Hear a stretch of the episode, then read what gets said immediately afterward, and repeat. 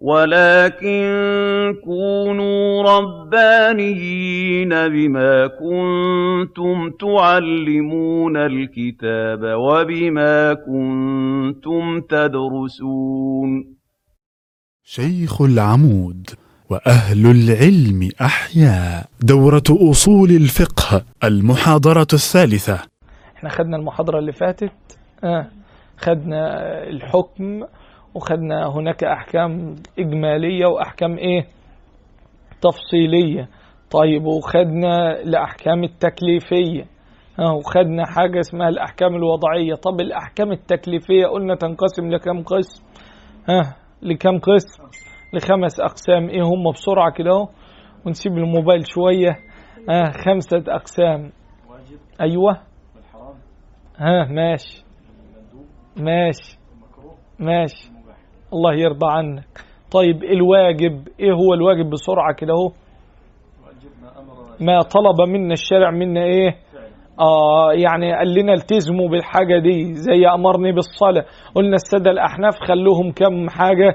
خلوهم سبعة زودوا قبل الواجب حطوا الفرض.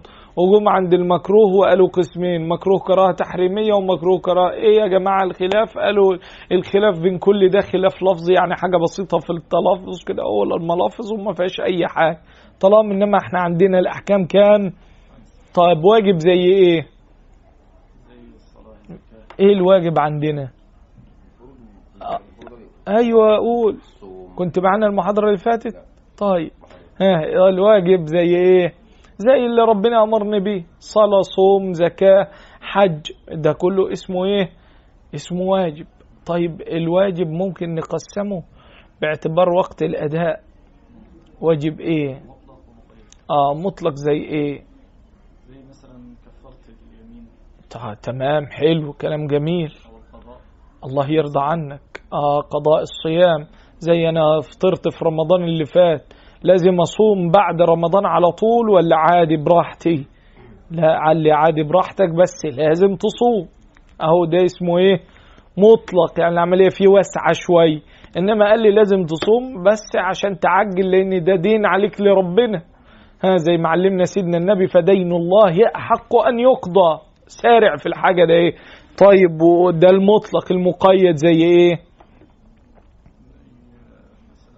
هم. تمام.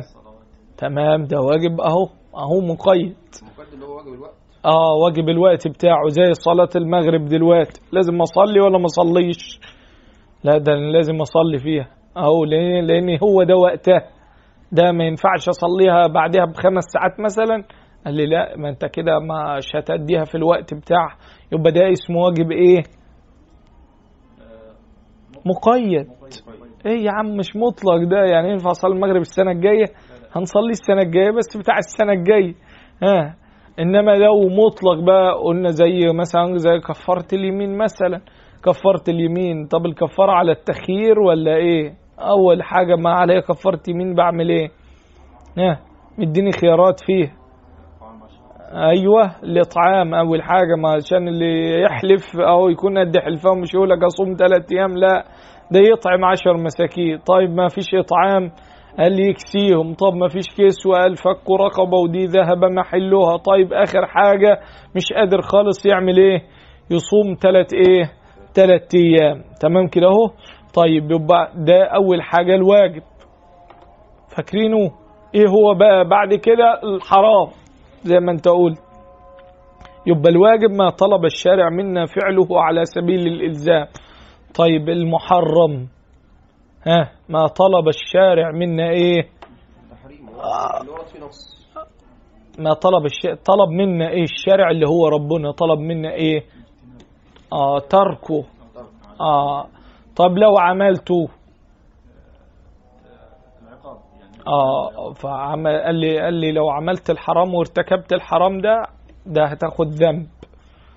طيب ولو ما عملتوش؟ وثاب عليه. عكس الواجب على طول. انت جبت الواجب وبعدين الايه؟ الحرام. طيب قلنا المحرم ينقسم لكم حاجة؟ لقسمين. ما تفتكر كده ها؟ محرم لذاته ومحرم لغيره. إيه يا جماعة؟ ده كأن الواحد ما قالش حاجة. ها محرم لذاته زي إيه؟ حلو. حلو كلام جميل. ده اسمه محرم إيه؟ لذاته ربنا قال لي الحاجة دي حرام. قال لي ما تقربش الزنا إنه كان فاحشة وساء سبيلا قال لي ما تشربش الخمر. أقول له حاضر. ولا ينفع؟ أقول له طيب ممكن شفطة وخلاص؟ أقول له لا ما ينفعش. ده اسمه محرم لايه لذاته. حرم الخنزير. بقول له حاضر. حرم الميتة. بقول له حاضر. طيب الحاجات دي المحرم لذاتي دي ممكن يكون مباح ليا؟ قال لي آه بس في وقت الضرورة. اللي هي الضرورة اللي هي الحاجة الماسة إلا ما اضطررتم إليه. آه اللي هي ربنا يقول فمن اضطر في مخمصة غير متجانف لإثم فإن الله غفور رحيم. زي ماشي تهت في الصحراء وقلت مش لاقي أكل أعمل إيه؟ لقيت حاجة ميت لو ما أكلتش هروح فين؟ هموت. فالشارع الحكيم الرحيم قال لي ممكن تاكل خمسة جرام بس. إنما افرض أكلت بقى قلت بدل خمسة خليهم خمسين. ابقى أنا كده اتعديت. أهو غير متجانف. ليه؟ لإثم. آه ده هو قال لي كل حاجة بسيطة عشان تقدر تعيش. آه طيب يبقى المباح ممكن الحرام ممكن يكون مباح وقت الإيه؟ الضرورة. إلا ما اضطررتم إليه والضرورة تقدر بقدرها. لأن إحنا قلنا الشارع الحكيم جه عشان يحمل إيه؟ النفس. آه دي من الضرورات الخمس بتاعت الدين اللي هي حفظ النفس وحفظ العقل ها؟ آه حلو. ها؟ وإيه تاني؟ ها؟ ساعد أخوك لسه قايلينهم من شوي. العرض راح فين؟ طيب. السرقة والزنا وال لا دي, دي اسمها دي يحفظ ال... يحفظ ال... ال- ال- العرض. ها. بعقوبة الزنا. مش شرط. مش الزنا بس. لا لا مش كده مش كده. بس. مش كده ما أنا ممكن أذيك من غير ما من غير سرقه ممكن أخوفك من غير ما أسرقك. يبقى مش شرط الحاجات اللي أنت بتقولها لا ده هو شامل كل حاجة. ها يعني هل الزنا ينفع اعكس واحدة في الشارع؟ بس. طب ما أنت لو قلت الحاجة دي بالظبط هتقول لي ما ينفع اعكس واحدة في الشارع إنما لا ده هو جه لحفظ كل الحاجات دي عدم المساس أو عدم التفكير بالمساس بيها. لذلك لما أتكلم عن زنا قال ولا تقربوا ما تفكرش. ها اجتنبوه لعلكم تفلحون. قال لي ما تفكرش في الحاجة دي لأن الحاجة دي هتوديك للحرام. هو قال لي ما تبصش ليه؟ قال لي لأن النظرة بتاعتك دي ممكن توصلك لحاجة حرام فما تعملهاش. ها قال لي ما تقعدش مع الناس اللي هم بيشربوا الحاجات دي ليه؟ قال لي عشان بقعدتك وجلوسك انت موافق على الحاجة دي ممكن تعمل زيهم. فما ينفعش. قال لي اجتنب الحاجة دي. يبقى ده اسمه الايه حرام لإيه؟ لذاته. طب حرام لغيره. الأستاذة. أهو. أيوة أنت. شفت الناس المذاكرة يا أخي؟ يا يا راجل. يا دكتور. شفت الناس أهو الصلاة في أرض إيه؟ مغصوبة ده اسمه حرام لغيره. طيب ما الصلاة أساسا صلي في أي مكان وجعلت لي الأرض مسجدا وطهورا فأيما رجل من أمتي أدركته الصلاة فليصلي فعنده مسجده وعنده طهوره يعني عنده المية لو موجودة وعنده التراب لو المية مش موجودة اللي هو التيمم. تمام؟ يبقى صلي في أي مكان. قال لي لا لو الأستاذ راح اغتصب قطعة ارض وقال دي بتاعتي حط ايده عليها كده أهو وقال ده أنا هبني فيها مسجد كده أهو عشان آخد تصريح بنى كده أهو فأبني الدور الأولاني مسجد. وأنا عارف إن الأرض دي مغصوبة. قال لي ما ينفعش الصلاة فيها رغم إن الصلاة تنفع في أي إيه؟ في أي مكان. إنما قال لي عشان أنا كده هوافقه على الفعل اللي هو بيعمله. يبقى ده اسمه حرام لإيه؟ آه يبقى الصلاة حلال بس طب حرام هنا ليه؟ في المنطقة دي ليه؟ قال لي الغير وعشان المكان ده مغصوب. تمام كده اهو؟ طيب قلنا ده الواجب وده الحرام. في بعد كده اسمه المن مندوب. إيه المندوب بقى؟ آه؟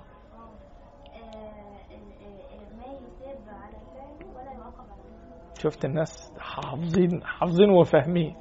طيب زي إيه المندوب كده؟ المندوب صعب. ده السبحة اللي في إيدك دي مندوب.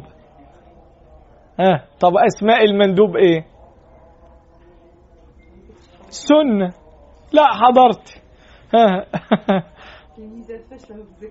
لا لا ما شاء الله. لا مندوب حاجة سنة عن سيدنا النبي صلى الله عليه وسلم.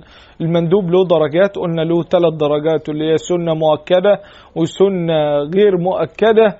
ها وحاجة ليا فيها لازم أحافظ عليها اللي هو موافقة سيدنا النبي صلى الله عليه وسلم في بعض أفعاله. زي كان بياكل كده سيدنا النبي فأنا هاكل زيه. كان بيشرب زي كده سيدنا النبي أنا هشرب زيه. كان بيمشي كده سيدنا النبي فأنا همشي زيه. يبقى أنا عندي سنة مؤكدة وسنة غير مؤكدة وحاجة فيها فضل وثواب اللي هي اتباع سنة سيدنا النبي صلى الله عليه وسلم. طيب سنة مؤكدة زي إيه؟ حاجات كتيرة.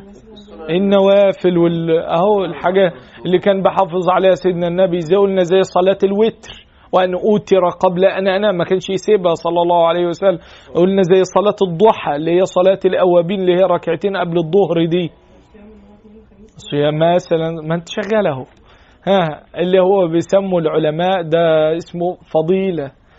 اللي بيسموه إيه تاني؟ هو له الأسامي كتير إحنا قلنا باكج المرة اللي فاتت قد كده هو قلنا قلنا أسامي كتير؟ إيه الفيلم بتاع المحاضرة اللي فاتت؟ هم بينزلوها على الإنترنت موجود بعت ولا أنا ولا انت؟ آه، يعني. الناس الناس المنظمين هنا هيدوك ال- الحاجة دي طيب شفت بقى أنت اللي مقصر مش أنا كل حاجة موجودة اهو. طيب دي اسمها الايه؟ مندوب. اصحى معايا اللي هي السنن. طيب وفي بعد كده ها المكروه. المكروه تعريفه إيه يا أستاذة؟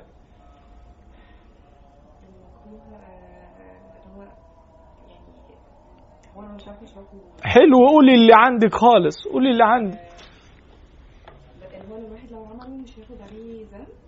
جميل. ولو آه، آه، يعني لو ما عملوش ها. آه، عليه. أيوه أنت هتغيري ليه سوري ليه؟ لو ما عملتوش هاخد ثواب.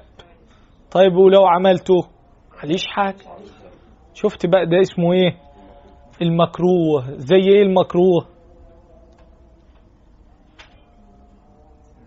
ده حاجات كتيرة قوي. زي الصوم مدى الحياة مثل. ما ينفعش إن أنا أصوم كل يوم. طيب زي أكل الثوم والبصل يوم الإيه؟ يوم الجمعة. إيه المكروه؟ هذه كلها حاجات مكروه. طب لو عملت الحاجة دي؟ قال لي ما بتا مش عليك حاجة. إنما لو ما عملتهاش في ثواب. أهو في ثواب من عند ربنا. لو ما أكلتش توم وبصل يوم الجمعة قال لي في ثواب لأنك امتثلت أمر سيدنا النبي صلى الله عليه وسلم عشان الناس ما تتأذاش وتنفر من رائحتك. تمام كده اهو؟ بعد كده آخر حاجة اللي هو الإيه؟ مباح. قلنا إيه المباح ده؟ آه ده لا ده الأصل ده الأصل عندنا في كل حاجة الإباحة. الأصل كل حاجة كل المعاملات مباحة.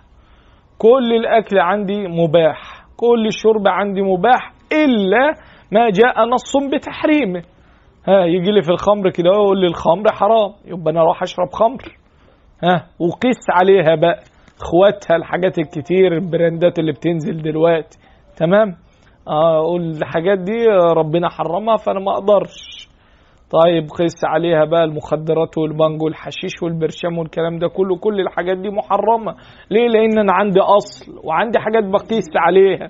تمام كده أهو؟ طيب آه، في يبقى الكلام الكلام ده كله في الحاجات دي كلها.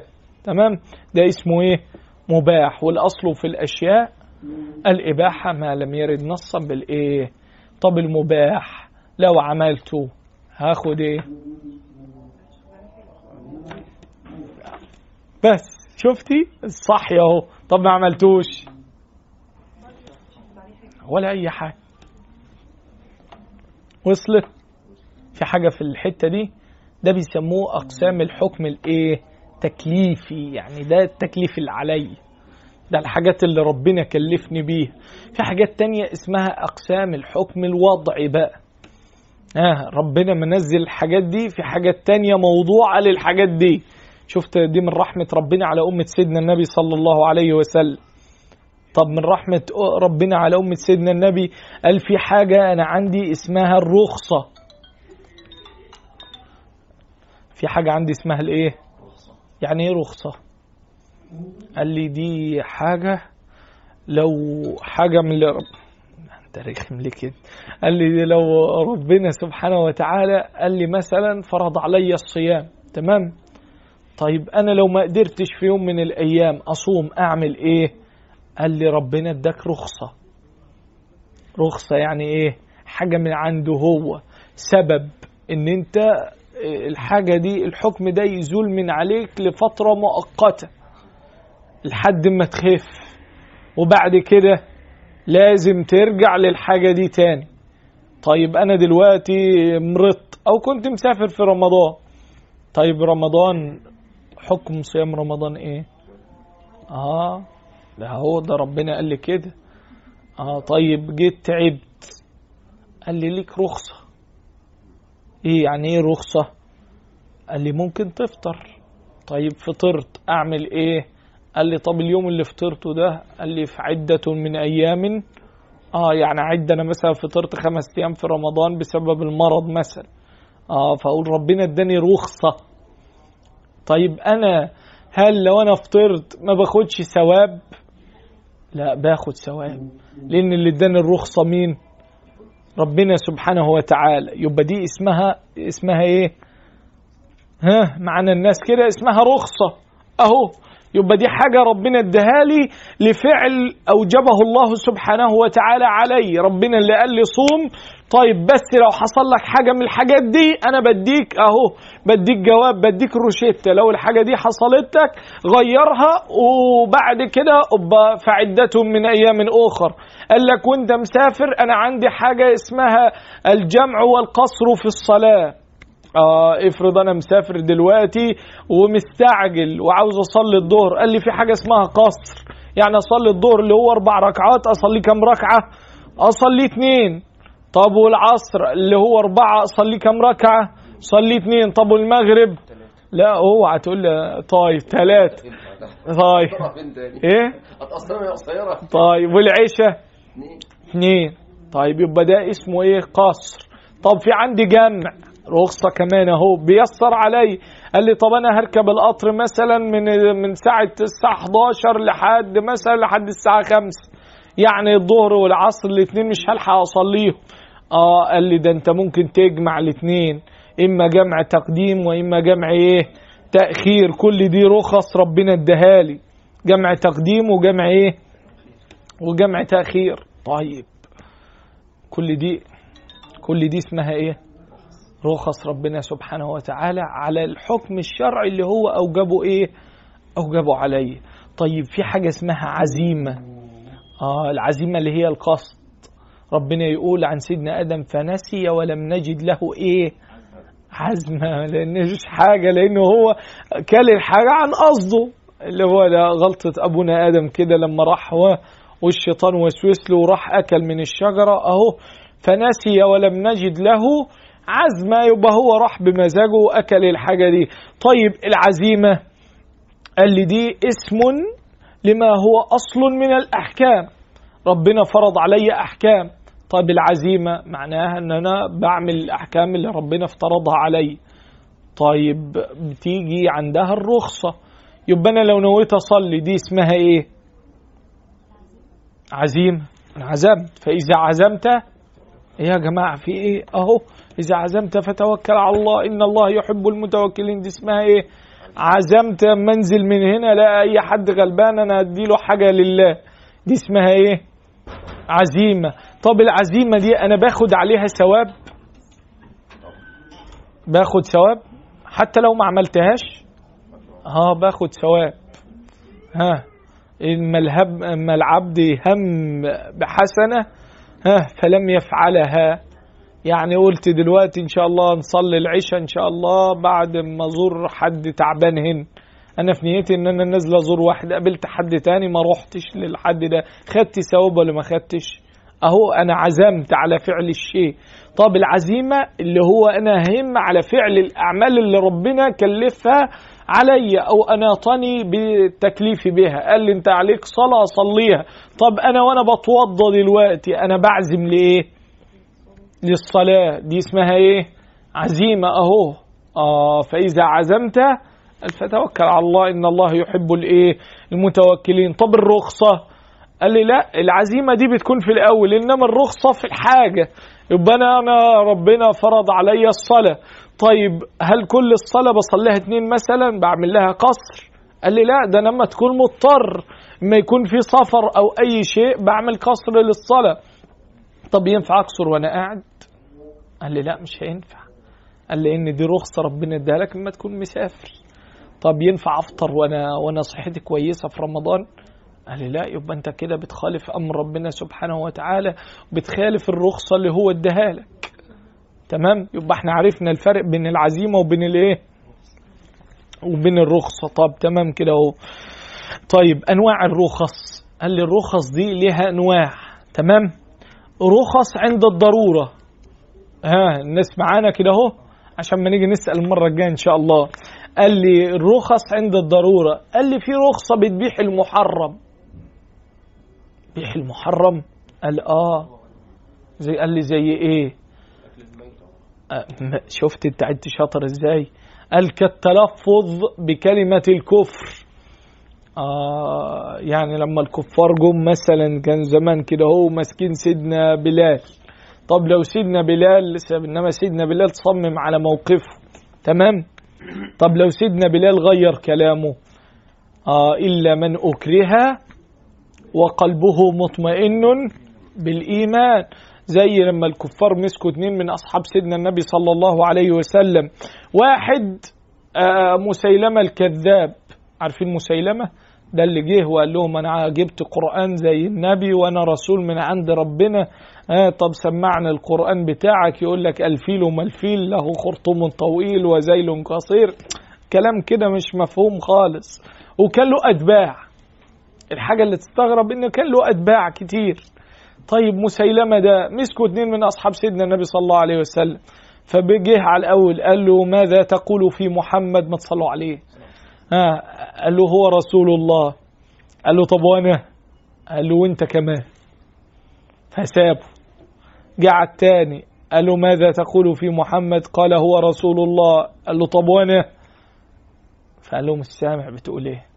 عاد عليه السؤال. قال له مش سامع قال له انت مسمع قال له لا ما بسمعش. أنا اصم لا اسمع. الله امال سامعني إزاي وأنا بكلمك اهو؟ قال له أنا اصم لا اسمع. عاد تاني عاد تالت مرة. قال له خلاص. فعمل فيه إيه؟ قتله. فبلغ الكلام سيدنا النبي صلى الله عليه وسلم. قال له اما الأول فقد اخذ برخصة الله. اللي هو جه قال له أنا أنا إيه؟ قال له سيدنا النبي هو رسول الله. قال له طب وأنا؟ قال له أنت زيه. إلا من أكره وقلبه مطمئن بالإيمان. طب الثاني وأما الثاني فقد صدع بالحق فهنيئا له. التاني ده ده إنه ثابت على موقفه بتاعه فهنيئا إيه؟ له. وبرضه الصحابي سيدنا عمار بن ياسر. آه طيب عمار بن ياسر لما جم وقالوا له اللات والعزى وال... فسيدنا عمار من شدة العذاب عليه عمل إيه؟ قال لهم دول آلهة ودول بتاع رضاهم زي ما بنقول. فلما جه لسيدنا النبي صلى الله عليه وسلم قال له وكيف وجدت قلبك؟ قلبك فيه إيه؟ قال مطمئن بالله. يعني قلبي مع ربنا أهو يبقى هو مرر الكلمة على لساني ولكن قلبه فين؟ مع الله سبحانه وتعالى إلا من أكره وقلبه مطمئن بالإيمان. تعرف سيدنا النبي قال له إيه ما تصلوا عليه؟ قال له فإن عادوا فعد. يعني لو رجعوا هيعذبوك تاني. وقالوا لك الأصنام دي قول لهم دي الآلهة بتاعتك. أهو يبقى سيدنا النبي قال له الحاجة دي ليه؟ قال له دي رخصة من عند ربنا سبحانه وتعالى. يبقى هنا إباحة المحرم عند الإيه؟ عند الضرورة اللي هو إن أنا أمرر اللفظ على لساني وليس على إيه؟ على قلبي. طيب. طيب إباحة ترك الواجب. دي برضو في الرخص أهو. يبقى الرخص أول حاجة إباحة المحرم عند الإيه؟ عند الضرورة زي النطق بكلمة الإيه؟ الكفر. طيب أو إباحة ترك الواجب. إباحة ترك الواجب زي إيه؟ زي الفطر في نهار إيه؟ رمضان للمسافر والمريض ليه قال لي دفع المشقة. هو قال لي صوم في نهار رمضان. قال لي بس فمن كان مريضا أو على إيه؟ فعدة من أيام إيه؟ يبقى أنا تركت الواجب ولا ما تركتوش؟ يبقى ده نوع من أنواع الرخصة اللي ربنا اداها لي اللي هو إباحة ترك الإيه؟ الواجب ولكن بوجود سبب. دي الحاجة التانية في الرخصة. طب الحاجة التالتة قال لي تصحيح بعض العقود التي يحتاج الناس إليها. قال لي في حاجات لازم نصححها. في عقود مثلا عقود محرمة. تمام كده اهو؟ فالرخصة ربنا اداها لي إن أنا أصلح العقد ده. طيب عندي عقود كتيرة في الشريعة الإسلامية. طب الشرع الحنيف بتاعي أباح لي حاجة للضرورة؟ قال لي آه أباح لي عقد اسمه عقد السلم اللي هو عقد السلف اللي هم سيدنا النبي صلى الله عليه وسلم لما قدم المدينة كانوا يسلفون. أهو يعني كل واحد بيستلف من التاني. فسيدنا النبي حدد لهم المعاملة دي. قال لهم اللي هيستلف من حد قال لهم كيل معلوم ووزن معلوم إلى أجل معلوم. تمام؟ يبقى الشريعة هنا ها رخصت لي في عقد من العقود اللي هو عقد الايه؟ عقد السلم اللي هو بيسموه عقد السلف. يعني أنا عاوز أستلف من الأستاذ من الدكتور شوية رز مثلا. فأنا عشان أروح أستلف منه شوية رز طيب هردهم له إيه؟ قال لي هتشوف أنت واخد كام كيلو رز الأول؟ خدت عشرة كيلو مثلا. أقول له والله هردهم لك كمان شهر. يبقى لازم أرجعهم رز ينفع أرجعهم مكرونة مثلا؟ قال لي لا ما ينفعش. قال لي أهو من أسلم فليسلم في إيه؟ كيل معلوم ووزن معلوم إلى أجل إيه؟ إلى أجل معلوم. طيب حط لي الشروط بتاعته. اهو قال لي أنت هتسلفه الحاجة ده إيه؟ عشان أنت محتاجها. ليه؟ لاحتياج الناس اليه المدينة كانوا كده يعني واحد زارع أرض مثلا والتاني مش زارع فيجي اللي زارع ده يقول له والله الحاجة دي خلصت عندي بس المحصول هيجي لي آخر الشهر فممكن تسلفني شوية وبديهم لك آخر الشهر ده اسمه إيه؟ سلف أهو فجه الشرع بتاعي قال لي عندي عقد اسمه عقد الإيه؟ السلم اللي هم بيسموه السلف طب ده رخصة من عند ربنا ولا مش رخصة؟ قال ده رخصة من عند ربنا. بس الشرع أباحه لي لضرورة واحتياج الناس إليه.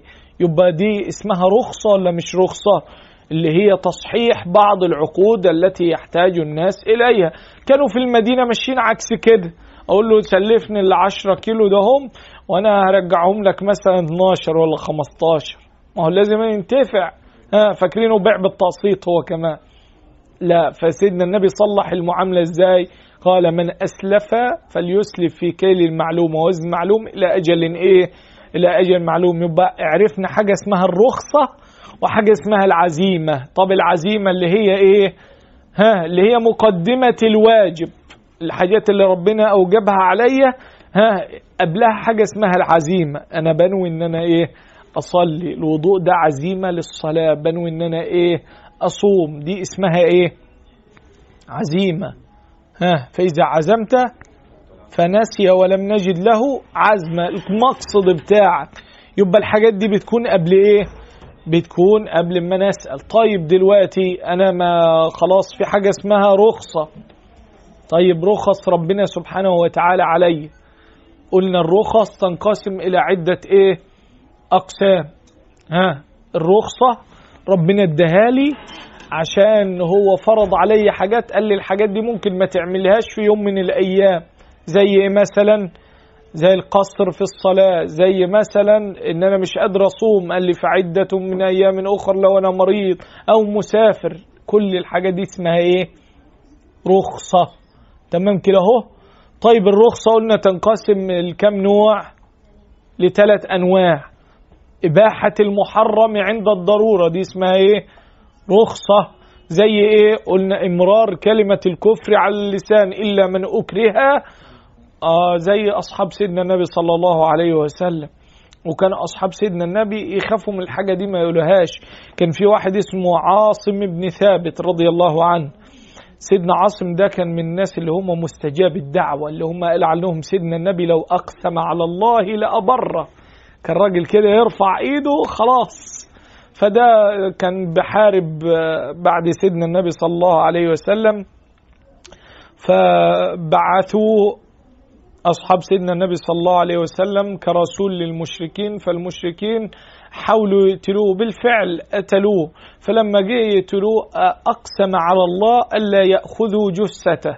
هم كانوا عاوزين ياخدوا جثته يمثلوا بجثته. فالراجل ده مستجاب الدعوة بقى. فلما جم قتلوه. الراجل دعا ربنا سبحانه وتعالى وده عبادة مهجورة اللي هي عبادة الدعاء. ادعوا ربكم تضرعا وخفية إنه لا يحب المعتدين ولا تفسدوا في الأرض بعد إصلاحها وادعوه خوفا وطمعا. إن رحمة الله قريب من المحسنين. دعا ربنا سبحانه وتعالى إن هم ما ياخدوش جثته ما يمثلوش بالجثمان بتاعه بعد ما يستشهد في سبيل الله.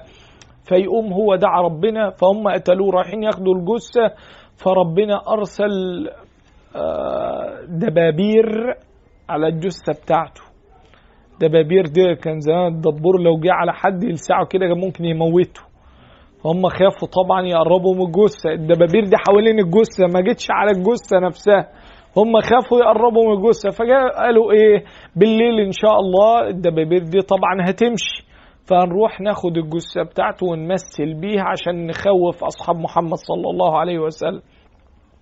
فجم بالليل أرسل الله سبحانه وتعالى سيلا فأخفى جثته فلم تظهر. آه إن من عباد الله من لو أقسم على الله لا أبره الله سبحانه وتعالى. شفته هو ضحى بنفسه بس قال يا رب ما تخليهمش يعملوا اللي هم عاوزينه. كان ممكن كان ممكن يغير دينه وده من الدين إلا من أكره وقلبه مطمئن. بالإيمان سيدنا النبي قال عن الاثنين اللي هم مسيلمة قتل واحد فيهم والتاني ما يغير دينه. قال الأول أخذ بإيه؟ بالرخصة اللي هو ده هو اللي, ما اللي غير. قال له أنت رسول أيضا؟ قال له دي رخصة. طب التاني اللي ما غيرش؟ قال له فهنيئا له. ده في الجنة بقى إن شاء الله. تمام؟ يبقى إباحة المحرم عند الضرورة. دي أول نوع من أنواع الرخص إباحة المحرم عند الإيه؟ أنا هسأل فيه دلوقتي. هذا زي إمرار لفظ الكفر على اللسان. طب تاني حاجة قال لي إباحة ترك الواجب. طب الواجب زي إيه؟ زي الف... زي الصوم مثلا. ربنا فرضه علي. طيب في إباحة في رخصة إن أنا أترك الصوم في نهار رمضان؟ قال لي آه. قال لي عند السفر وعند المرض. أهو ربنا ذكرهم. زي إيه تاني؟ زي ترك الأمر بالمعروف والنهي عن المنكر عند الحاكم الظالم مثلا. لو في واحد هيقتلني فخلاص أنا بسكت. تمام كده أهو؟ طيب آه تالت حاجة في الرخصة اللي هي تصحيح بعض الإيه؟ العقود التي يحتاج الناس إليها. وإن لم تجري على القواعد العامة زي عقد الإيه؟ آه اللي هو بيع السلم. أباحه الشارع وأباحه سيدنا النبي صلى الله عليه وسلم مع أنه بيع معدوم. يعني إيه معدوم؟ أنا بقول له والله أنا هديك العشرة كيلو رز دول لما النتاج بتاعي لما الزرع بتاعي يجي إن شاء الله. أنا استلفت منه عشرة كيلو رز. قلت له هرجعهم لك الشهر الجاي لما المحصول بتاعي يعمل إيه؟ اجمعه أو اجيبه ده بيع معدوم ولا مش بيع معدوم؟ سيدنا النبي عرفهم من اسلف فليسلف في كيل إيه؟ معلوم ووزن معلوم إلى أجل معلوم. ده الشروط اللي سيدنا النبي حطها. تمام؟ إنما هو كبيع اسمه بيع الإيه؟ معدوم. ما هو بيع السلم أو السلف أو بيع المعدوم. مش موجود. ما هو إحنا عملنا مبادلة إحنا الاثنين. قلت لك سلفني دول وإن شاء الله هجيبهم لك لما الزرع بتاعي. هو ينفع إن أنا أبيع الزرع قبل بدو صلاحه ما ينفعش. وأنا عارف إمتى إمتى هيكبر ولا إمتى هيكون في الحاجة دي؟ قال لي لا ما أعرفش أنا الحاجة دي. آه فالشارع لما لقى العملية دي موجودة بكثرة في المدينة سيدنا النبي حط لهم الضوابط قال من أسلف فليسلف في كيل معلوم ووزن معلوم إلى أجل معلوم. يبقى نفس النوع نفس الكمية نفس الصنف. أقول له أنا هرجعها لك إمتى؟ تمام؟ يبقى أهو دي الضرورة في تصحيح أو ال- الرخصة في تصحيح بعد الإيه؟ بعض العقود. تمام؟ يبقى كده خلصنا الضرورة وخلصنا الايه؟ آه الرخصة فيها ثلاث أنواع. ها رخصة عند الايه؟ ها معانا كده الناس النوع الأول في في الرخصة إيه؟ بحث تمام. آه، تمام. الله يرضى عنك الله يفتح عليك. طب بعد كده في حاجة اسمها السبب. إيه السبب؟ الما يتوصل به إلى مقصود ما. ده في اللغة وفي الاصطلاح. الما جعله الشرع معرفا لحكم شرعي بحيث يوجد هذا الحكم عند وجوده وينعدم عند عدمه. طيب يعني إيه الكلام ده؟ قال لي الشرع حط لي علامة على وجود الحكم هنا. طيب العلامة دي اسمها سبب. طب لو مش موجود السبب الحاجة دي مش هتكون إيه؟ موجودة. قال لي هنعملها مثلا زي الجنون. واحد مجنون. ده سبب لإيه؟ قال لي لوجوب الحجر. يعني أنا عندي في العيلة حد مجنون دلوقتي وعنده فلوس. قال لي طب المجنون ده ينفع يتصرف في فلوسه؟ هم قالوا لا لازم يكون عنده ولي أو عنده حد وصي عليه. زي الأطفال اللي هم اليتامى مثلا يقول لازم وصي عليهم. طيب الوصي ده هيجي يعمل إيه؟ هيجي عشان يدير لهم أموالهم وفلوسهم. طيب يبقى الجنون أو الصغر ده سبب لوجود الإيه؟ الوصي أو سبب لوجود الحجر. تمام؟ واحد سفيه مثلا واحد كان كبير شوية و... وربنا يعافي كل مبتلى جاله مرض زهايمر مثلا. طيب ولاده يعملوا إيه؟ يعملوا حاجة اسمها حجر. حجر لأنه ما عادش عارف يتصرف في إيه في أمواله. فيقولوا إحنا هو ما عادش عارف يتصرف فيها ممكن يبيعها ممكن يرميها. فإحنا هنحجر عليه عشان هو كبر وعنده المرض ده فإحنا لازم يبقى المرض ده اسمه إيه؟ سبب. يبقى لولا السبب ده كان هيوجد حجر لولا السبب ده كان هيوجد وصاية ده اسمه إيه؟ سبب. لولا مثلا آه اللهم لولا السفر في قصر الصلاة. ده اسمه إيه؟ سبب. أهو ده ده السبب بقى. إنما الرخصة لا ده الرخصة ربنا قال لي أهو قال لي لو مسافر في رخصة إن أنت عرفنا دي سبب وده اسمه إيه؟ رخصة. يبقى السبب الما يتوصل به إلى مقصود ما. ده اسمه إيه؟ ها معايا؟ سبب هيتوصل بالإيه زي إيه؟ قلت لك واحد مثلا مجنون. الجنون ده سبب للحجر على الشخص ده. إيه يا جماعة؟ إيه؟ حجر حجر. يعني دلوقتي أولاد صغيرين والدهم توفى فهم ما يعرفوش يتصرفوا في الفلوس. فيجي وصي عليهم عمهم مثلا ما تنفعش الأم. فيجي عمهم مثلا دي اسمها وصاية. إيه اللي خلى الوصاية دي حصلت؟ النتيجة دي قال لي في سبب قبلها موت الإيه؟ موت الأب وصغر مين؟ طيب ده مجنون مثلا جاله مرض زهايمر. طيب ولاده شافوا إن هو مش عارف يتصرف في فلوسه فحجروا عليه. طب إيه سبب الحجر؟ المرض اللي هو جاله أو الجنون اللي جاله. يبقى ده اسمه السبب ما يتوصل به إلى إيه؟ إلى مقصود ما. هم توصلوا حجروا عليه عشان مجنون حجروا عليه عشان سفيه وجاله مرض. طيب وصي عليهم عشان هم لسه صغيرين. لو كبار مفيش وصاية عليهم. تمام؟ يبقى انعدام السبب. طيب بانعدامه الحاجة دي مش موجودة. قلت لكم لو مات وترك ولاد كبار هنقول عاوزين وصي عليهم؟ لا ولا كل واحد هياخد نصيبه. لأن كل واحد حر. لو صغيرين هنقول والله عاوزين حد وصي على الولاد دول. تمام كده اهو؟ طيب السبب ده اسمه إيه؟ سبب. يبقى السفر هنا سبب لإباحة الفطر ولا مش سبب؟ ها القتل سبب لوجوب القصاص. ولكم في القصاص إيه؟ حياة واحد قتل واحد. آه يبقى سبب القصاص هنا الايه القتل. تمام كده اهو. دلوك الشمس سبب لصلاة الايه؟ ها أقم الصلاة لدلوك الايه؟ الشمس سبب للصلاة. قال لي كده اهو لما الشمس تطلع كده اهو في إيه؟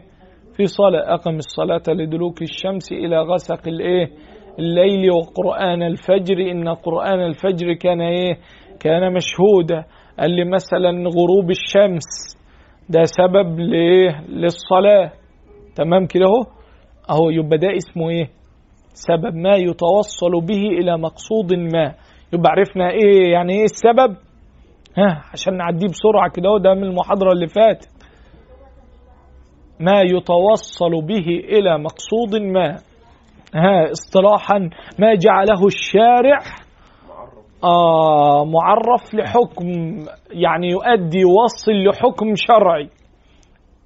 حاجة هتوديني للحكم الشرعي ده. ده وسيلة توصلني بها للحكم. بحيث يوجد هذا الحكم عند وجوده. طيب يبقى الجنون هنا وصلني إن في حجر على الشخص ده.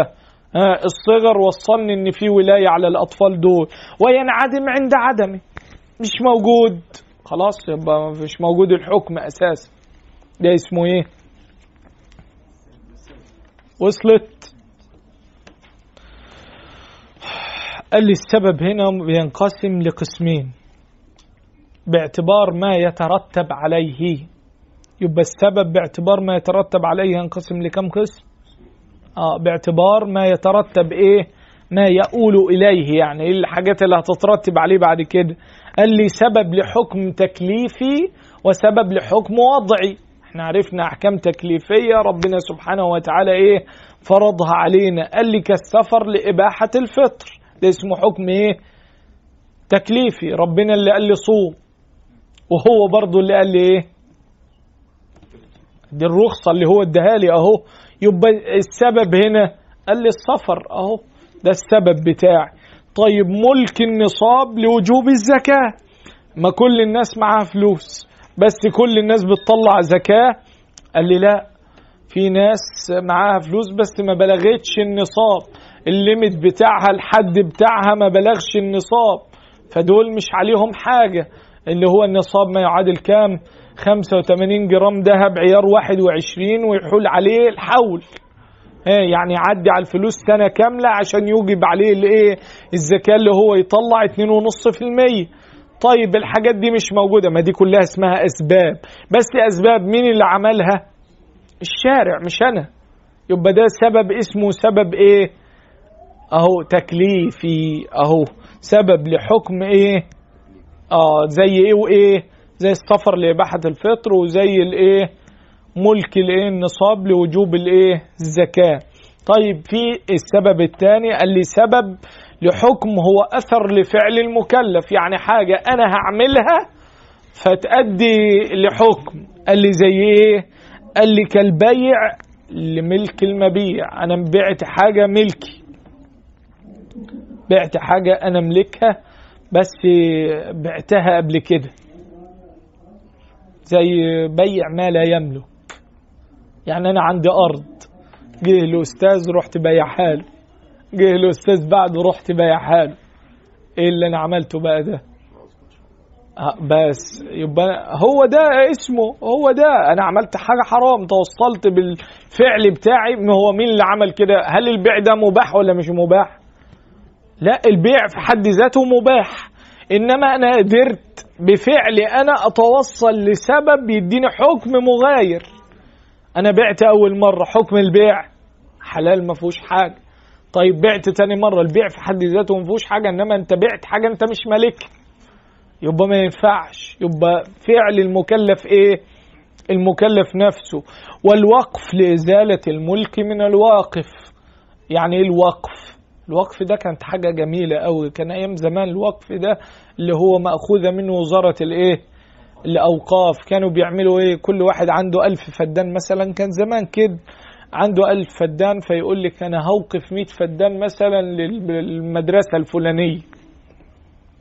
يعني إيه وقف يعني يقول الأرض دي تتزرع والناتج منها ينصرف على المدرسة. ده كل سنة كده. وده بيسموه وقف. ما يقدرش حد يغيره. القاعدة بتقول وقف الواقف كشرع الشارع.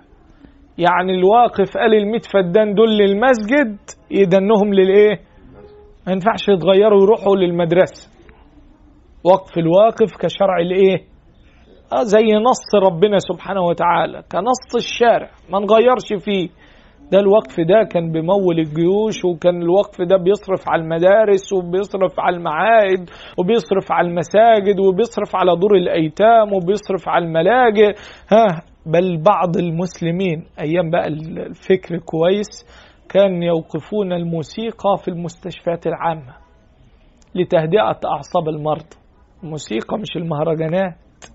ها خبط والرزع لا كان الموسيقى عشان دي بتساعد المرضى. يا سلام شفت الناس ده في أيام محمد علي. ها ده اسمه إيه؟ وقف. ده ما عادش موجود دلوقتي يعني إلا قليل. إن واحد يقول للحاجه دي للحاجة دي. ده اسمه إيه؟ تعرفوا عنه ده قبل كده؟ سمعت. طيب كويس. انت ما شفتش. آه شفت بقى. دول كانوا ناس كان دماغهم في فكر بقى. دول كان ناس بيفكروا. مش أي حاجة تتكسر كده ارمي لا يقول لك أنا أوديها حد ينتفع بيها. ده اسمه الوقف. مصلحة المسلمين ومصلحة البشرية أجمعين. زي المية وقف المية والكلام ده كله دول كانوا عاملين حاجات لله ودي دائمة لا تنقطع. ها دي من الصدقات الجارية على طول أهي. طيب والوقف لإزالة الملك من الواقف. أنا وقفت حاجة ينفع أبيعها؟ خلاص ده أنا بقول لك وقف. ها الواقف كنص الشارع ما حدش يقدر يغيرها طب يجي الورثة من بعد يقولوا إحنا هنورثها؟ أقول له لا ده الوقف ده ما حدش بيقدر يتصرف فيه ولا يعمل أي حاجة فيه. ها وقف الواقف كنص الإيه؟ الشارع. طيب والنكاح سبب للحل بين الزوجين. يبقى الزوجين بيكونوا بيكونوا حلال إزاي لبعض؟ يعني أي واحد هو ماشي مع واحدة في الشارع كده ها ممكن يقعد معاها ويكلمها ولا لازم في نكاح. يبقى العقد ده هو. هو سبب للإيه؟ للقاء بين الزوجين. ده سبب ولا مش سبب؟ طب والسبب ده مين اللي عمله؟ قال لي المكلف. أنت اللي عملته. طيب الطلاق. إحنا اتجوزنا خلاص. عاوز اطلعها عاوز أسيبها. قال لي الطلاق. طب الطلاق ده بيدي ولا مش بيدي؟ قال لي ده فعل من أفعال مين؟ يبقى ده سبب ولا مش سبب؟ أهو سبب أهو. سبب لحكم هو أثر لفعل المكلف. هو سبب للحكم. أنا نويت طلاق. أهو. سبب للحكم. طب الحكم طلع إيه؟ طلاق. طب والسبب الطلاق برضه. شفت بقى؟ لو ركزت في الحتة دي لا ده سبب الجواز. أنا عاوز أتجوز. ها؟ فالسبب هو كان نفسه النتيجة. أنا عاوز أتجوز. اتجوزت. تمام كده أهو؟ يبقى السبب والنتيجة طلعوا واحد ولا طلعوا مش واحد؟ طب اتجوزت. عاوز أتجوز. عملنا العقد وكتبنا العقد واسمها إيه؟ تزوجت. يبقى السبب والنتيجة هما الاتنين. حاجة إيه؟ المسمى واحد. توصلنا بيه لحاجة واحد. طيب عاوزين نتطلق. اتطلقنا. طب السبب إيه؟ عاوزين نتطلق. يبقى السبب والنتيجة الاتنين كانوا إيه؟ بس ده من فعل مين؟ قال لي ده من فعل المكلف. يبقى أنا اللي عاوز أعمل الحاجة دي. تمام كده أهو؟ طيب في حاجة بعد كده اسمها ربط الأسباب بالمسببات. ربط الأسباب بالإيه؟ هم، ربط الأسباب بإيه معايا؟ تليفون. ربط الأسباب بالمسببات. طيب تمام. طيب المسببات اللي تترتب على أسبابها إذا وجدت هذه الأسباب. طيب وتحققت شرعا لترتيب الأحكام عليها. قال لي زي إيه؟ ها في سبب لحاجات هتحصل. فبسبب الحاجات دي في ناس هيكون لهم حقوق. قال لي زي الموت. قال لي لو واحد مات دلوقتي إيه اللي بيحصل؟ قال لي بندور على الورثه بتوعه آه يبقى الموت ده سبب ولا مش سبب؟ سبب للإيه؟ للميراث. آه يبقى الموت سبب لإيه؟ ده اسمه ربط الأسباب بالإيه؟ بالمسببات. طيب أول ما ببص كده في حاجة اسمها القرابة. في ناس اللي هيرثوا بقى بدور على مين؟ على القرابة. يبقى القرابة سبب للميراث. بقت سبب هي كمان اهي. ما أنا بربط كل حاجة ببعضيها. يبقى عشان هو مات فالموت ده سبب لإيه؟ الميراث طيب أنا اما هورث بدور على إيه تحته؟ اللي بندور على القرابة. بندور على النكاح اللي هي الزوجية. أهو بندور في كان الاله زمان بقى ولا الحاجات دي كلها اللي مش موجودة دلوقتي. ها اللي هو العبيد والكلام ده كله. قال لي مش موجود. طيب بدور على تحقيق موت المورث. أول ما يقول لي ده مات بدور إنه مات ولا لسه في الروح؟ طب ده مات حقيقي. قال لي بدور على حياة الوارث. في ورثة يورثوه ده سبب ولا مش سبب؟ كله مربوط ببعضه. اسمها ربط الإيه؟ الأس... ها؟ قلبها ربط الأسباب بالمسببات. أو ده سبب فأربطه بالحاجات اللي بتجمعه. مات بدور هل هو مات حقيقي ولا مات حكمي؟ بدور هو دلوقتي مات ولا في حياة؟ لا ده مات. بدور على حياة اللي تحته بقى اللي تحته دول موجودين. زي دلوقتي مات وترك زوجة حامل. طيب زوجة حامل هينفع أقسم الميراث؟ قال لي لا ما ينفعش. ما تولد. آه ما تولد. اللي هو تحقيق آه ما هو بقى تحقيق حياة المورث. ها وتحقيق برضه حياة الوارث. قال لي الميت ده بشوفه الأول ده لسه مات ولا ولا ينفع؟ لسه يدنه صاحش. لو صاحي بوديه مستشفى والكلام ده كله. طب مات. قال لي بدور على اللي تحت بقى اللي تحت أحياء ولا مش أحياء. طيب دي هي حامل مراته دلوقتي. قال له هنستنى. هنشوف الجنين اللي هينزل ده صاحي ولا مش صاحي. طب الجنين اللي هينزل ده ذكر ولا أنثى؟ لأن ده هيغير أهو. يبقى ربط الأسباب بالإيه؟ اللي بقى في حاجة اسمها مانع. ها؟ في حاجة في الأسباب دي هتبقى مانع. قال لي يعني إيه مانع؟ يا قال لي حاجة مش هتخلي الإنسان ده ياخد حقه. زي إيه؟ زي القاتل. واحد قتل مثلا أبوه. هيورث قال لي لا مش هيورث آه يبقى ده مانع ولا مش مانع؟ سيدنا النبي قال القاتل لا إيه؟ لا يرث. آه واحد قتل أبوه عشان يخلص منه عشان يورث ده كل عقاب له إيه؟ ما يورثش طيب ده هو قتل. آه يبقى القتل هنا اسمه عدوان. طيب أو اختلاف الدين. اختلاف الدين ده برضه إن واحد واحد مسلم وولاده مثلا مش مسلمين ده يورثوا ولا ما يورثوش؟ ما يورثوش. اسمه اختلاف الإيه؟ الدين طبع كسها ولاده مش مسلمين. يورثوا منه؟ لا ما يورثوش. والعكس برضه.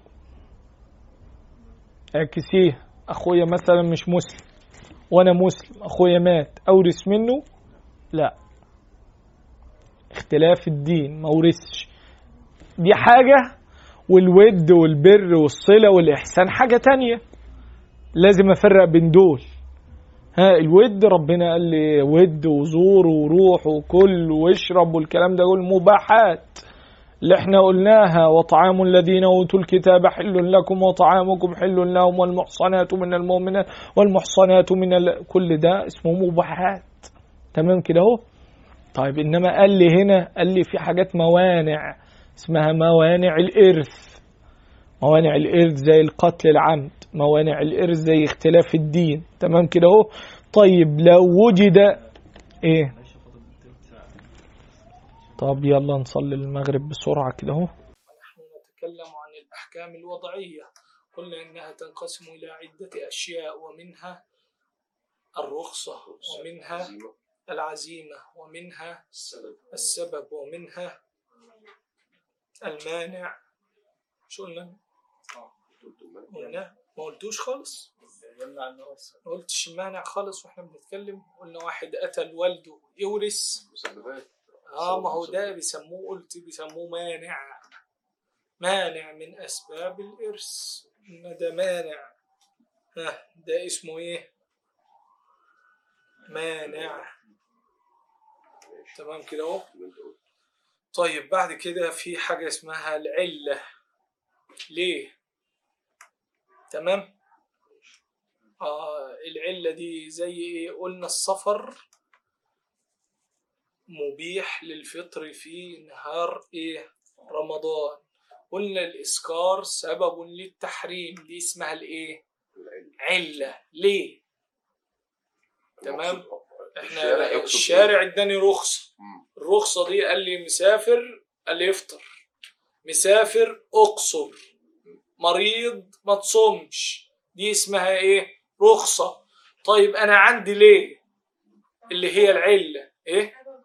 لا السبب ده بيؤدي للحاجة دي. السبب قلنا السفر نفسه. السفر مؤدي لإيه؟ للقصر. السفر مؤدي للإيه؟ لإباحة الفطر. ده السبب أهو. طيب إنما العلة ليه؟ ليه حرم الخمر؟ قال عشان هي مسكرة. قال عشان هي إيه؟ مسكرة. العلة والسبب الاتنين ممكن تشوفهم زي بعض. والعلماء اختلفوا فيهم والجمهور على إن الاتنين زي بعض. اللي هو ما جعله الشارع علامة على الحكم وجودا أو عدما. السبب والعلة الاتنين بيشبهوا بعض على طول. قال لي زي هنا زي السفر هنا. قال لي افطر. قال لي الإسكار في الخمر جعلها إيه؟ آه علة أو سبب لتحريم ومنع الإيه؟ الخمر. تمام؟ قال لي الخمر حرام ليه؟ عشان بتغيب الإيه؟ وقياسا عليها. قيس عليها كتير. قال لي شهود شهر رمضان مثلا. أنا جيت دلوقتي صاحي وقالوا رمضان بكرة. طيب ده سبب للإيه؟ لازم أصوم. تمام؟ طيب قال لي الاذان أذن دلوقتي. سبب إن أنا أعمل إيه؟ لازم أصلي. أهو يبقى ده سبب وعلة. الاثنين إيه؟ الاثنين مع بعض. تمام كده أهو؟ يبقى السبب والعلة قد يكون بمعنى إيه؟ واحد. طيب بعد حاجة في حاجة اسمها الشرط طب يعني إيه شرط؟ قال لي علامه لازمه طيب الشرط ده قال لي ما يتوقف على وجوده وجود الشيء. يبقى الشرط ده لازم يكون موجود. لو إحنا قلنا شرط زي إيه؟ لسه قايلينها من شوية زي الصلاة الوضوء مثلا. جميل جميل. آه الوضوء شرط الايه؟ شرط للصلاة. قصدك النية شرط والنية شرط للصيام. شفت بقى؟ شوف فتحت لك حاجات كتير. زي ما قالت دلوقتي أنا عاوز أطلع زكاة. لازم يكون عندي الشرط اللي هو إيه؟ طيب عاوز أتجوز. عاوز أتجوز. في شروط لعقد النكاح. آه. شروط غير الأركان. هنميز بين الشرط والركن دلوقتي. شفت فتحت لي أهو. البلوغ آه الإيه؟ البلوغ الب- أيوة، البالغ الشخص البالغ. دي شروط. شروط. إنما الزواج له أركان. الصلاة ليها شروط اللي هي زي ما قلت لي لازم اتوضا لازم أستقبل القبلة لازم ستر العورة لازم ملابس نظيفة لازم مكان نظيف. دي. اسمها إيه؟ شروط الصلاة. شروط. عشان أخش في العبادة. طب الركن؟ قال لي ده جوه العبادة. تمام؟ الركن السجود الركن الركوع الركن تكبيرة الإحرام. دي كلها اسمها إيه؟ أركان. يبقى الشرط قال لي ما يتوقف على وجود الشيء وجوده. يبقى ده قبل الحاجة. ده اسمه إيه؟ علامة. علامة لازمة. ده في اللغة الشرط. لغة العلامة الإيه؟ لازم طيب وشرعا ولا اصطلاحا؟ قال لي ما يتوقف على وجود الشيء على وجوده. لازم الحاجة دي تكون موجودة عشان الفعل إيه؟ يتوجد. لم يتم الواجب إلا به أو لم يتم حلو ما أنت حلو أهو. ما لا يتم الواجب إلا به فهو واجب. إنما ده اسمه شرط. ما هو الشرط ده ممكن يكون واجب. آه ما هو العملية واسعة في الشرط شوية. إنما ما ينفعش أخليه واجب. ما هي دي الألفاظ بقى. دي الألفاظ في أصول الفقه. عشان آه، دي آه دي الألفاظ. دي الألفاظ. ما أنا بتعلم العلماء دول بيجيبوا الكلام ده إزاي؟ شفت هم عمالين يفرقوا بين السبب والعلة رغم إن أنا بعقلي كده شايف الاتنين واحد. شوية قلت قلت لها في علماء فرقوا بين الاتنين والمجموع إن الاتنين واحد. طيب نيجي على الشرط ونيجي على الركن. طب ما أنت ممكن تقول ده مكمل لده. هو ينفع الركن من غير الشرط؟ لا طبعا. لا ما ينفعش. طب ينفع ال- الشرط وبعدين ما اعملش الركن؟ لا طبعا. لا ينفع. ينفع إن أنا اتوضى آه وما لا يعني ماشي اصليش ينفع اتوضى وينفع اجهز بأي شكل صح؟ آه، شفت بقى؟ صح. أهو فده كله أنت عاوز تعرف العلماء دول بيعملوا إيه بالحاجات دي؟ ما هي دي الأدوات في أصول الفقه. عنده الأدوات دي عرف فهم يعني إيه شرط؟ قال ده شرط؟ دي يعني حاجة لازمة. طيب الشرط ده لازم يكون موجود عشان العبادة تكون إيه؟ تكون موجودة. قلنا زي الوضوء ها؟ قلنا زي إيه تاني؟ طب هو الوضوء جزء من الصلاة؟ خارج عن ما هي الصلاة خالص. الصلاة أقوال وأفعال تفتتح بالتكبير وتختتم بالتسليم. هي دي الصلاة. طب الوضوء مش موجود في الصلاة. بس هو شرط. طيب عندي بلوغ النصاب. شرط لوجوب الزكاة. عندي الاستطاعة في الحج. شرط. طب هي في الحج مش موجودة أساسا. ده أنا بروح عندي عندي أركان تانية. تمام؟ يبقى الشرط مش داخل في ماهية الإيه؟ الركن. طب الركن؟ قال لي الركن ما يتوقف على وجوده وجود الشيء أهو. يعني الركن ده داخل في ماهية الايه؟ العبادة نفسها.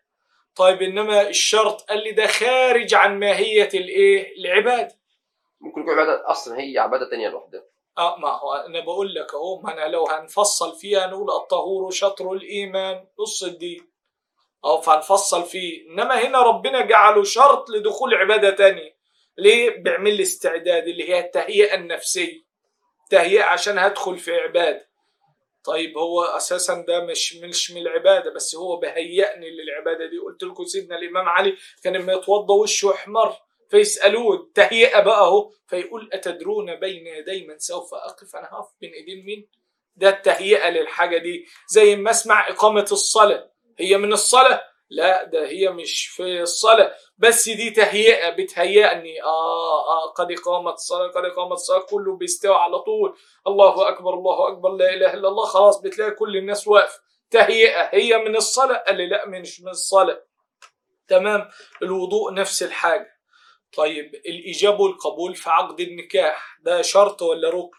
ده شرط إيه؟ شرط يا راجل يا راجل يعني العريس موافق والعروسة موافقة ده شرط ده ركن ركن. ده ركن هو في في عقد أساسا من غير إجابة وقبول؟ قال ده ركن إنما إيه بقى؟ لأنه جزء من ماهية العقد نفسه ده جزء من ماهية العقد يبقى أنا العريس موافق والعروسة موافقة على الزواج ده شرط ولا ركن؟ ده ركن يا عم من الأركان أهو. اجابه وقبول طيب إنما فين ال؟ قال لي الشهود. ده شرط ولا ركن؟ قال ده شرط. أنا مش محيرك أهو. أهم حاجة الحاجة الأساسية. ها أنا داخل أصلي فأنا هتوضى الأول. هل ال- الوضوء ده هو الصلاة؟ لا. هل الشهود دول هم النكاح؟ إنما النكاح هو إيه؟ اجابه وقبول. ده الأساس اللي عندي. إنما الحاجات اللي حواليه قال لي ده شرط لصحة الحاجة دي إن أنا أجيب شهود إن يكون فيه إيه؟ فيه ولي والكلام ده كله. ده قال لي ده شرط صحة. كتير من الأئمة جم عن شرط الصحة ده وقالوا قالوا ركن من أركان عقد النكاح. تمام؟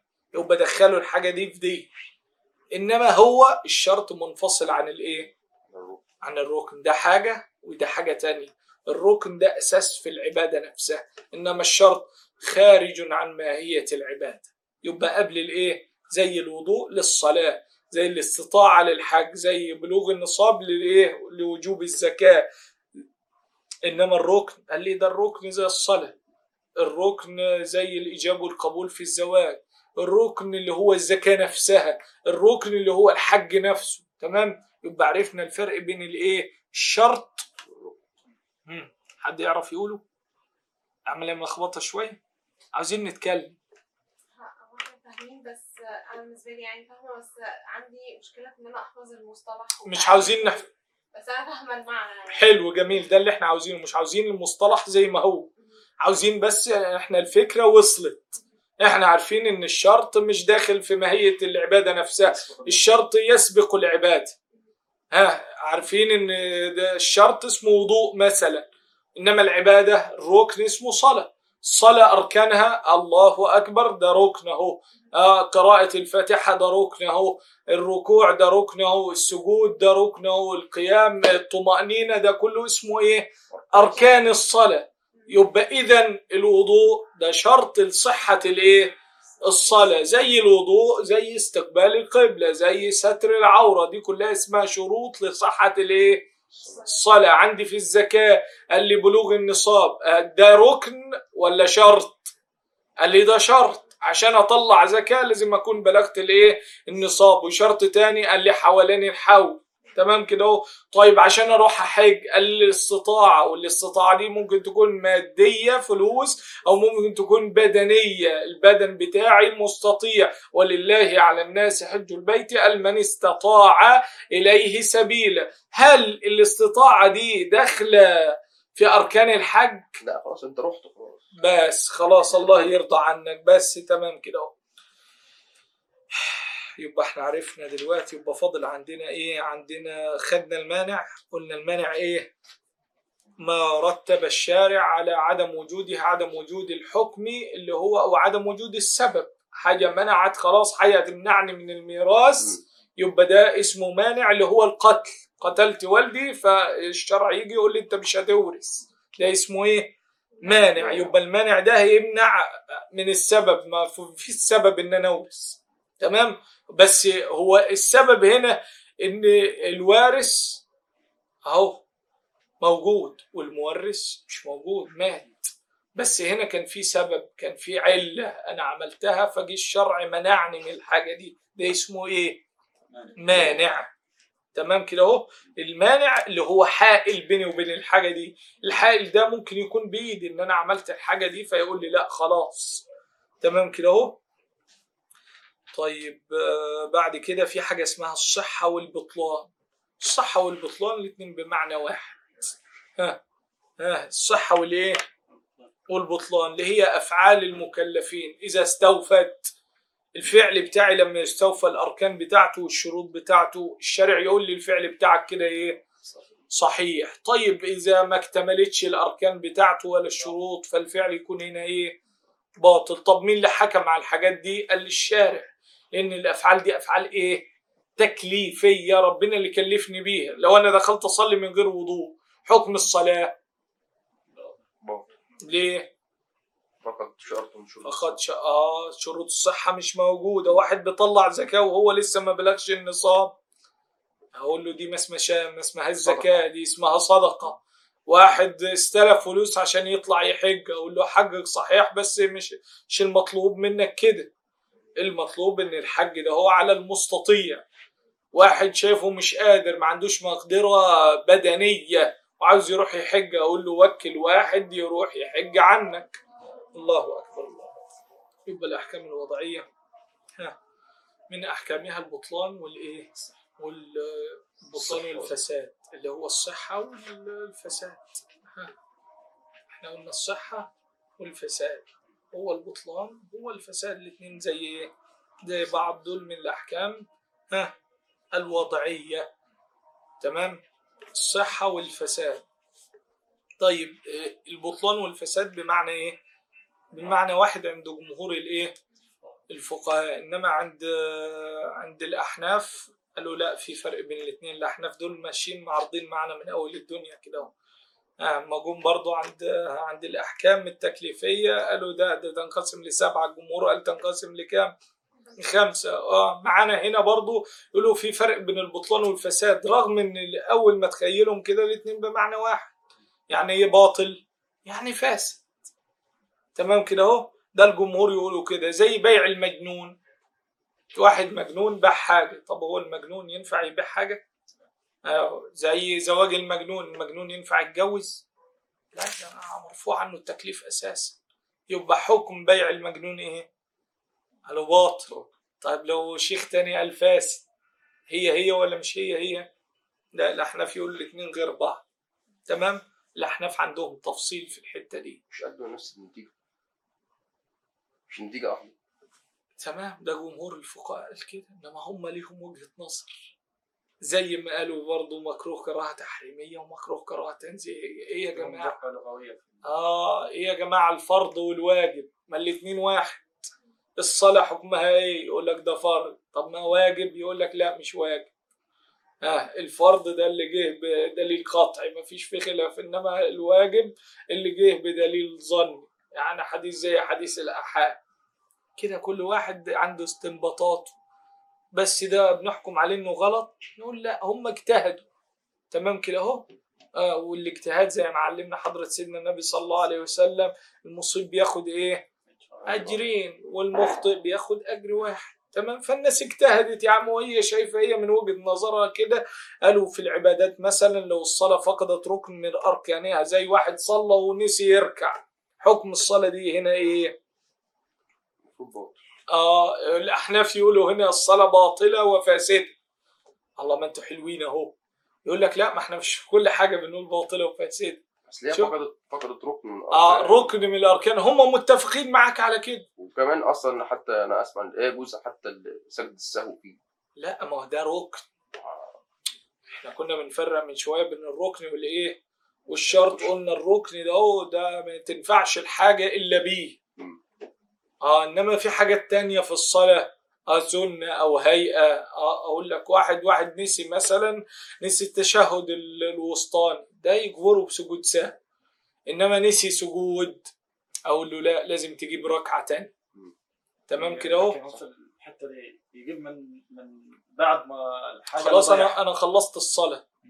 فف- وأنا في التشهد افتكرت أهو افتكرت إن أنا سبت ركعه مثلا ولا سبت سجدة. سجدة مثلا. أهو فجايين يقولوا لي المحاضرة خلصت فنسيت سجدة فأعمل إيه؟ فخلاص. أنا بقول هجيب ركعه تانية مش هجيب سجدة واحدة بس ما ينفعش أجيب سجدة. بقوم أجيب ركعه تانية. طب وأنا بصلي قلت أنا صليت ثلاثة ولا أربعة ببني على اليقين اللي هو الأقل. الأقل اسمه اليقين. تمام كده أهو؟ فأنا صليت ثلاثة ولا أربعة أنا مش فاكر. طيب لو قلت ده أنا صليت أربعة أنا في الصلاة الكلام ده كله وأنا لسه سلمت فببني على اليقين الأقل ودي بتحصل معانا كتير. أروح على طول قايم جايب ركعة وأسجد سجدتين للسهو طب سجود السهو قبل السلام ولا بعد السلام؟ خلافهم بين العلماء السادة الشافعية يقولوا ده قبل السلام. سجدتين عاديين زي سجود الصلاة وبسلم وخلاص وما فيش أي حاجة. طيب افرض يا عم خلصنا كنا بنصلي مع الأستاذ جماعة وبعدين الأستاذ خلص الصلاه ونسي نسي ركعة ولا نسي أي حاجة فإحنا خلصنا سلمنا وبعدين بقول له يا أخي أنت صليت ثلاثة ولا صليت أربعة؟ ويقول والله أنا شاكك. طب شاكك وإحنا لسه أهو لسه ما قمناش من مكاننا شاكك يقوم يجيب ركعة على طول. ها والمأمومين وراه ويصلي سجود السهو شفتوا؟ ده الساعة بقى ده الخلاف أهو. الخلاف اللي من غير ضرب. ده الدين اهو. تمام؟ دي الرحمة. ليه؟ لأن الحاجة دي اهو إحنا لسه في الصلاة اهو. سيدنا النبي صلى الله عليه وسلم سهى في الصلاة. الصحابة سألوه فسيدنا النبي عشان يعلمنا ويعلمهم إني بشر مثلكم أنسى كما تنسون فإذا نسيت فذكروني. اهو عشان يعلمنا إزاي نعمل الحاجة دي. تمام؟ يبقى إحنا عرفنا دلوقتي إيه السبب والشرط والمنع والرخصة والعزيمة والصحة والإيه؟ والبطلان والبطلان والفساد بمعنى إيه؟ بمعنى واحد. آخر حاجة هناخدها المفروض اللي هو الحكم. يعني إيه الحكم؟ اللي هو النهاية اللي في الآخر اللي هو خطاب الله تعالى المتعلق بأفعال المكلفين إما طلبا أو إيه؟ أو تخييرا اللي هو الأحكام الشرعية الإسلامية. اسمه إيه ده؟ بسرعة ده اسمه إيه؟ حكم اللي هو إيه؟ خطاب الله تعالى المتعلق بأفعال المكلفين اللي هو إحنا طلبا أو تخييرا أو وضعا. أهو. يبقى ده خطاب الله تعالى ده بيسمى إيه؟ حكم. طب الحكم ده بيصدر عن مين؟ عن الملك سبحانه وتعالى إن الحكم إلا لله. أهو ألا له الحكم. ومن لم يحكم بما أنزل الله فأولئك هم الكافرون فأولئك هم الفاسقون فأولئك هم الظالمون. أهو ده كلام ربنا سبحانه وتعالى. طيب هنا هنروح لحاجة. إيه وظيفة الرسل هنا؟ حاجة شفتي؟ جميل ريحتينا كتير. وظيفة الرسل بيعملوا إيه؟ تبليغ عن ربنا سبحانه وتعالى. هو في رسول بيجيب من نفسه وما أرسلنا من رسول إلا ليطاع بإذن الله. خلاص أهو يبقى ده جاي من عند ربنا. طيب الرسل دول وظيفتهم إيه؟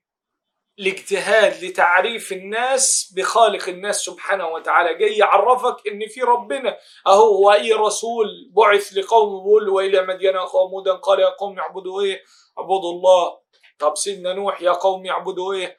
اعبدوا الله عاد يا قوم اعبدوا الله صالح يا قوم اعبدوا الله شعيب يا قوم اعبدوا الله يبقى اي رسول جاي لقومه جاي يقول لهم إيه؟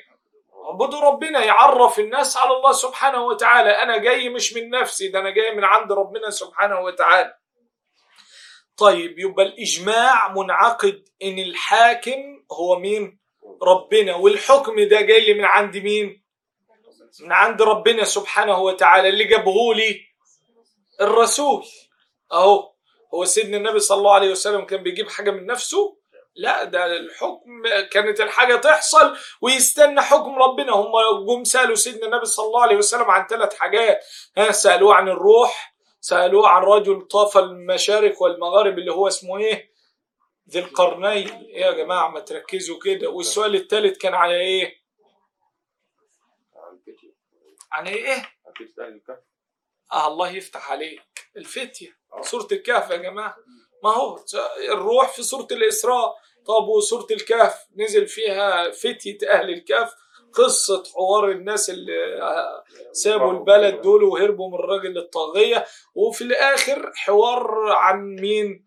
عن ذي القرنين. الرجل طاف المشارق والمغارب. فسيدنا النبي صلى الله عليه وسلم الجواب جاوب على طول ولا استنى الجواب من عند ربنا؟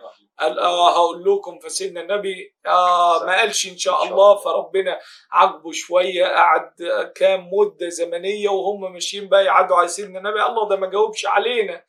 آه وسيدنا النبي زعل ونزل القرآن بعاتب سيدنا النبي ولا تقولن لشيء إني فاعل ذلك غدا إلا أن يشاء الله واذكر ربك إذا نسيه. يبقى الإجماع منعقد إن الحاكم هو الله سبحانه وتعالى. طب وظيفة الرسل بقى؟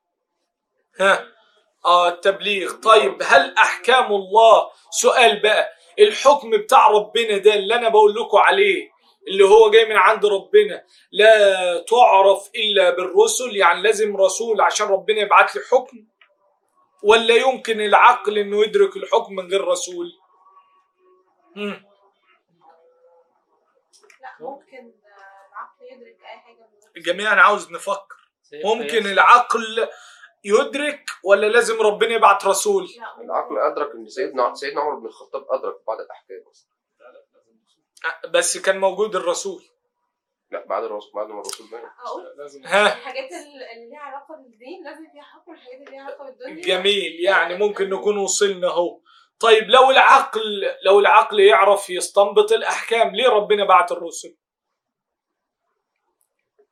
عشان ي- ي- يقولوا إحنا فاهمين صح ولا لا أنا افتكرت مع لا يا هو هو آه. الدي- الدين بالنقل لو أنت- كان لو كان الدين بالعقل لكان حلو أصل. ده ده حاجة ده حاجة اللي انت بتقوله. بس أنا بقول لك دلوقتي ربنا دلوقتي بيعرف بالرسل. قلت آه طيب ما لو ما بعتش الرسل عقلنا ممكن يدلنا على ربنا؟ قلت برضو آه. طيب لو عقلنا بيدلنا على ربنا إيه لازمة الرسل؟ آه. دي مسائل العقيدة. اختلف العلماء في المسألتين دول. ها إما الناس جاوبت على السؤال الأولاني قالت آه العقل ممكن يعرف. إحنا اختلفنا زي ما أنت قلت أهو نفس الخلاف ده. شفت أنا حبيت نطرح السؤال عشان نفس الخلاف ده هو اللي حاصل. ده خلاف عقدي في أصل العقيدة. تمام كده أهو؟ علمائنا انقسموا على كم قسم؟ على ثلاثة. آه التلاتة دول في منهم رأي كده هو بيسموه رأي المعتزلة اللي هم بقى أصحاب العقل. المعتزلة دول كان ناس عقلانيين يا دكتور شوية كده هو بيحبوا العقل زيادة عن اللزوم شوية. هم آه فهم ودول خير من دافعوا عن الإسلام. شفت هم برضو ممكن يكونوا ليهم فكر مختلف عننا بس دول فرقة من الإيه؟ من المسلمين. ما نقولش الناس دي مش مسلمين لا الناس دول مسلمين ودافعوا عن الدين في فترات عصيبة. آه. طيب الناس دي بتفكر بعقلها نقول زيادة عن اللزوم شويتين كل حاجة يوديها عند العقل. بقول العقل بيشوف حاجات الحاجات دي لو شافها العقل حرام هي حرام. لو شافها العقل حلال هي حلال. طب يا جماعة كده اهو إن العقل هو اللي بحسن والعقل هو اللي بقبح قالوا آه. طب يا جماعة إيه فايدة الرسل بقى؟ قال له لا ده الرسل جم عشان يعملوا واسطة بيننا وبين ربنا سبحانه وتعالى دول واسطة. بس الدين مش واقف على الرسل. قلت لكم هم منهجهم الاعتماد على الإيه؟ على العقل. فهم بيشوفوا الحاجة ربنا قال لي ما تشربش خمر. آه الخمر حرام. عقلي شايف إن الحاجة دي حرام. طب ما إحنا لو جينا العالم في عقول ناس تانية شايفة الحاجة دي حلوة. آه مشروبات روحية دي. مشروبات روحية آه. فهم وجهة نظرهم كده. طب يا جماعة في لازمة للرسل قالوا يا لا هو العقل برضو بتاعنا هو المتحكم في كل حاجة. دول اسمهم الإيه؟ المعتزلة وفريق من الجعفرية اللي هم تبع فرقة من فرق الشيعة. تمام كده أهو؟ قالوا الأحكام هنا ها لا تأتي موافقة إلا ما أدركه العقل. يعني العقل اللي العقل عاوزه وهو صح ده اسمه إيه؟ حلال. العقل شايفه غلط ده اسمه حرام. تمام كده أهو؟ وبنوا على أن الإنسان مكلف قبل بعثة الرسل. قالوا ده الإنسان مكلف من غير ما يكون موجود رسول. طب يا جماعة ربنا طب في القرآن وما كنا معذبين. الله ده كلام ربنا أهو. الله قالوا لا ما هو الإنسان مكلف قبل البتاع قبل البعث أو بعد البعث. طب يا جماعة ده الكلام ده إزاي؟ قالوا ما هو ربنا اداله عقل. مش فيه لقد كرمنا بني آدم. فهم لازم يعرفوا ربنا بعقولهم. ده رأيهم.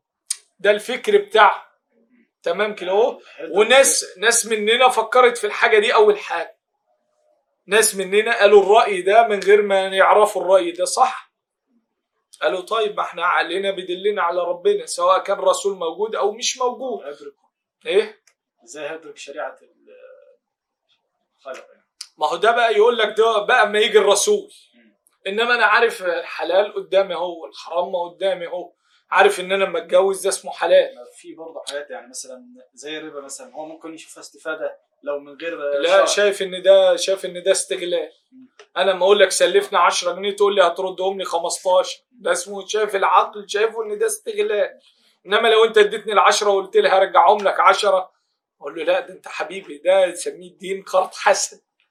أهو ويجي الدين يمدح القرض الحسن. إن تقرضوا الله قرضا حسنا. نسمى القرض هنا لله مش لحد تاني.